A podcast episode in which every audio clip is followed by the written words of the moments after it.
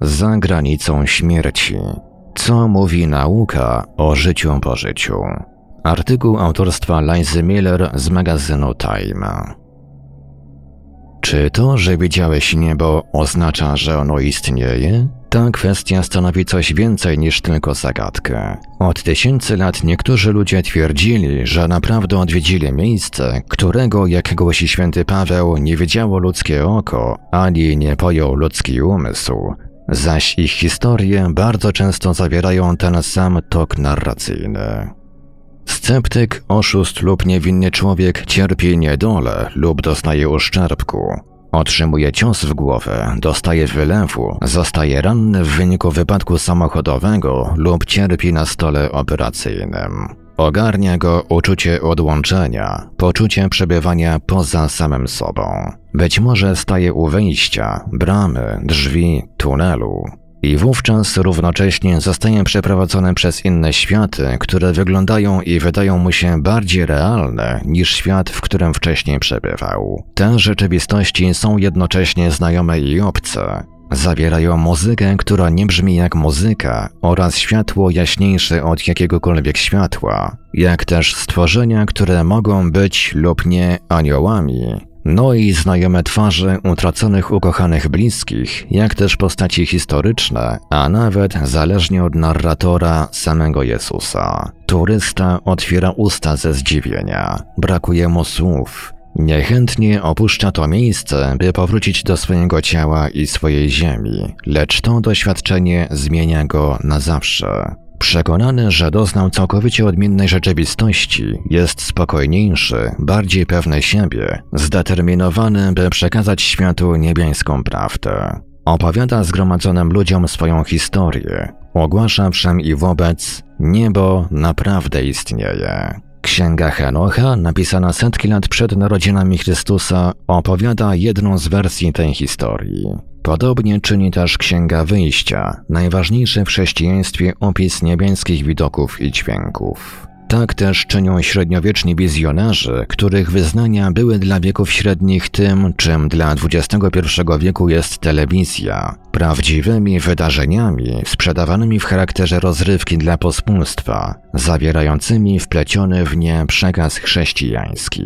I pomimo, a może z powodu rosnącego w naszych czasach racjonalizmu, ten gatunek narracyjny dziś rozkwita. 19 minut w niebie z 2004 roku o chrześcijańskim pastorze, który trafił przed oblicze Boga po wypadku samochodowym. Niebo naprawdę istnieje z 2010 roku o dziecku, które widzi niebo w trakcie operacji chirurgicznej czy też dowód na istnienie nieba autorstwa neurochirurga z Duke University, który trafił do nieba w 2012 roku. Wszystkie te pozycje stały się bestsellerami i wszystkie wypełniają ten sam szablon przekazywanej historii. Neurochirurg Ibn Alexander w wywiadzie dla Newsweeka w 2012 roku powiedział, że jego doświadczenie przekonało go, iż jego świadomość, dusza lub jego ja Istnieje gdzieś w oddzieleniu od umysłu i może samodzielnie podróżować do innych wymiarów. Ten pozacielesny świat świadomości, jak stwierdził, stanowi nową granicę nie tylko dla nauki, ale też i dla samej ludzkości. I mam wielką nadzieję, że to, co przytrafiło się mnie, spowoduje, że świat zbliży się o krok do zaakceptowania go. Tego typu opowieści budzą dreszcz po części dlatego, że opowiadający je wykazują namiętne przekonanie właściwe dla religijnych konwertytów. Widziałem to, więc musi to być prawda. Według ankiety Galupa około 8 milionów Amerykanów twierdzi, że mają za sobą doświadczenie z pogranicza śmierci, czyli NDE, a wielu z nich uznaje to doświadczenie za dowód na istnienie życia po śmierci, równoległej duchowej rzeczywistości, dla wielu bardziej rzeczywistej niż nasza. Raymond Moody, który w 1975 roku napisał Życie po życiu, jedną z pierwszych popularnych książek poświęconych NDE, w wywiadzie dla CNN w 2013 roku powiedział, że wśród ludzi, którzy doświadczyli NDE, przekonanie o istnieniu życia po śmierci wykracza poza to, czego naucza religia. Wiele osób opowiada o spotkaniu ze świetlistą istotą. Stwierdził, Chrześcijanie nazywają ją Chrystusem, Żydzi mówią, że to anioł. Zbadałem przypadki na różnych kontynentach i to samo o spotkaniu z istotą charakteryzującą się pełną miłością i współczuciem słychać w Chinach, Indiach i Japonii. Koniec cytatu. Moody był jednym z założycieli Międzynarodowego Stowarzyszenia na Rzecz Badań nad Doświadczeniami z Pogranicza Śmierci, czyli grupy poświęconej budowaniu globalnego zrozumienia tego rodzaju doświadczeń. Jest to niemalże odwrotność starej filozoficznej zagadki. Jeśli pośrodku lasu opadnie drzewo i nie ma nikogo, kto by je usłyszał, czy wówczas wydało ono dźwięk? Jeśli jesteś pewien, że coś widziałeś, bądź czułeś lub słyszałeś, czy oznacza to, że istnienie tego czegoś jest udowodnione empirycznie? A jeśli masz predyspozycję do tego, aby chcieć coś zobaczyć, czy istnieje większe prawdopodobieństwo, że rzeczywiście to zobaczysz, tak jak Harry Potter zobaczył swoją drogą odeszłą matkę w magicznym lustrze Hogwartu? I wreszcie, czy to, że widzisz coś, będąc zestresowanym, w stanie nieświadomości lub przeżywając jakąś traumę, czy takie okoliczności poddają w wątpliwość wiarygodność Twojej wizji? Na tym polega problem z NTE jako obszarem naukowego badania. Nie jesteś w stanie posiadać grupy kontrolnej. Większość ludzi znajdujących się na skraju śmierci umiera, stąd nie mogą opisać, jak ten proces wygląda, a ci, którzy przeżywają, zbliżają się do tej granicy na tak wiele sposobów wypadek samochodowy, udar, zawał serca że empiryczne porównanie ich doświadczeń jest niemożliwe. Na przestrzeni lat jednak nauka przyjęła wiele teorii dotyczących związku pomiędzy wizjami nieba a chemicznymi i fizycznymi procesami, które zachodzą w chwili śmierci. Andrew Newberg jest neurologiem i profesorem z Uniwersytetu i Szpitala imienia Thomasa Jeffersona, a swoją reputację zbudował badając skany mózgów osób religijnych, zakonnic i mnichów, którzy w czasie medytacji doznają ekstatycznych doświadczeń. Uważa on, że tunel oraz światło, które tak często opisują osoby doświadczające przeżyć z pogranicza śmierci, można z łatwością wyjaśnić. Jak wskazuje, w momencie zgonu tracimy dostęp do obszarów peryferyjnych mózgu. Cytat. To dlatego w takim momencie doświadczyłbyś uczucia przebywania w tunelu. Koniec cytatu. Jeśli widzisz białe światło, może to być centralna część układu wzrokowego, która wyłącza się jako ostatnia. Newberg wysuwa następujący scenariusz podkreślający jego przypuszczenia. Gdy ludzie umierają, dwie części mózgu, zwykle działające w opozycji względem siebie, pracują wspólnie. Układ współczulny, sieć nerwów i neuronów, które biegną wzdłuż rdzenia kręgowego i docierają dosłownie do każdego organu w ciele, Odpowiedzialny jest za pobudzenie lub podniecenie. On przygotowuje cię do działania. Układ przywspółczulny, bliźniaczy względem układu współczulnego, uspokaja cię i ożywia.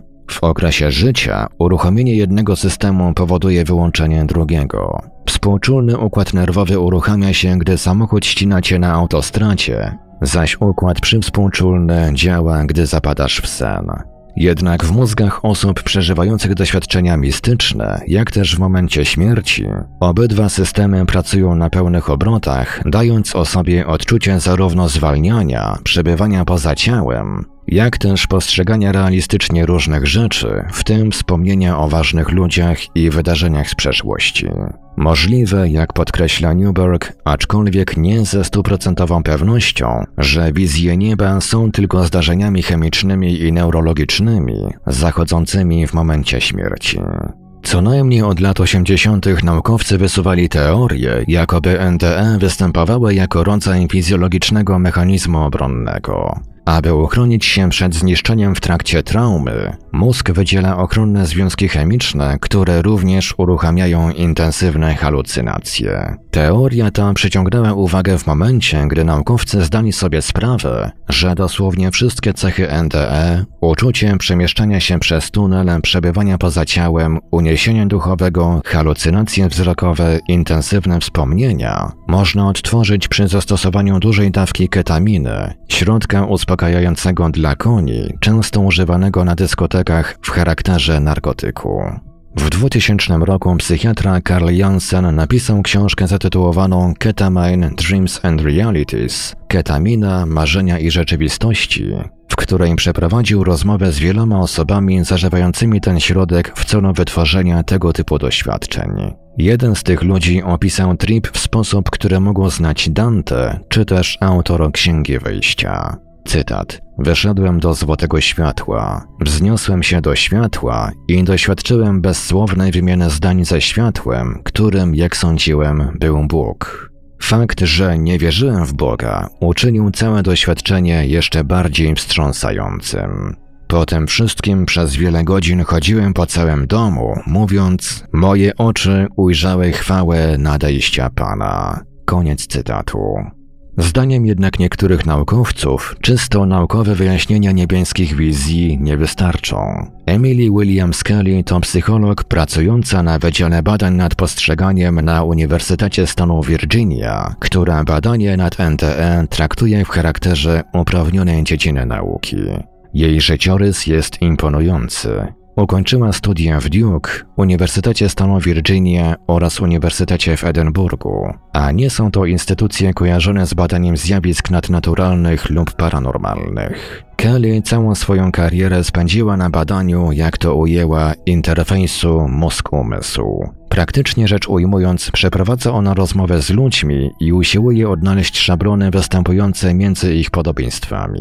Kelly uważa, że doświadczenia ludzi, którzy mieli wizję z pogranicza śmierci, pokazują, że świadomość istnieje nawet po tym, jak ustaje normalna funkcjonalność mózgu. Przypuszczalnie popiera ona niektóre ze stwierdzeń Ibena Aleksandra. Teoria ta, jak argumentuje Kelly, mogłaby zasugerować wyjaśnienia dotyczące życia po śmierci.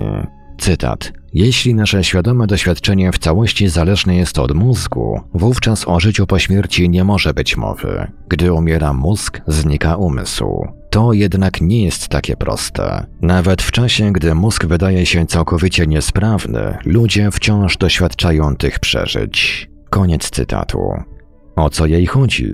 O to, że w chwili śmierci ludzie rzeczywiście przechodzą do innej rzeczywistości i że nauka może to potwierdzić? Kelly wzrusza ramionami. Doświadczenia z pogranicza śmierci, cytat, każą nam otworzyć umysły i powiedzieć, że w umyśle świadomości może być coś dużo więcej. I jak dotąd w takim kierunku zmierzam. Koniec cytatu. Gdy Aleksander opublikował swoją książkę w 2012 roku, czerpiąc z pracy Kelly i jej męża Edwarda, naśmiewał się, jak zwykł to robić z szerokich segmentów społeczności racjonalistycznych i naukowych. Gdy w wyniku bakteryjnego zapalenia opon mózgowych zapadł w śpiączkę, ujrzał nieprawdopodobne rzeczy.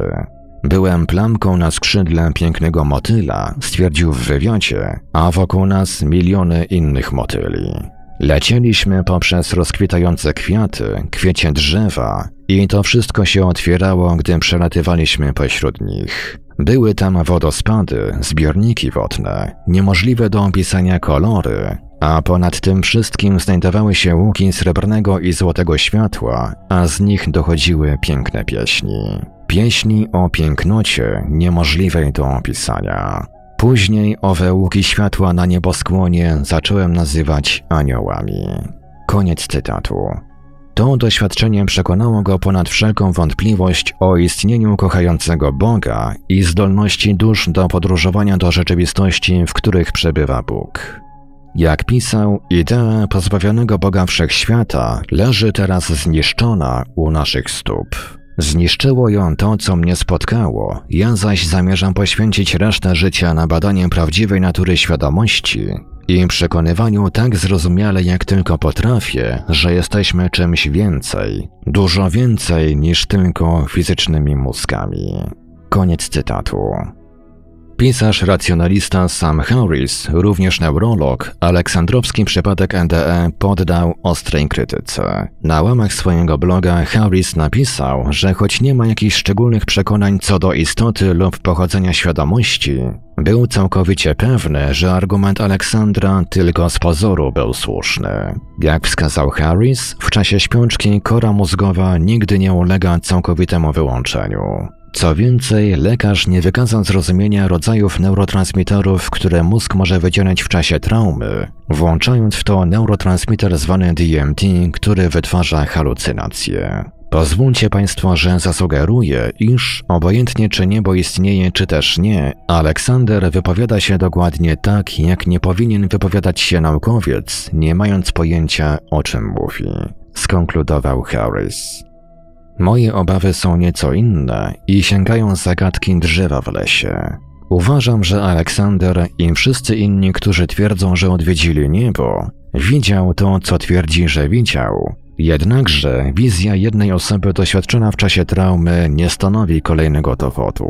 Poza tym całe to skupienie się na naukowych kompetencjach Aleksandra, które towarzyszyło promocji jego książki, jest nieuczciwe i pozbawione sensu. Prawdomówność czyjejś wizji nieba nie miałaby nic wspólnego z tym, kto jaką medyczną szkołę ukończył.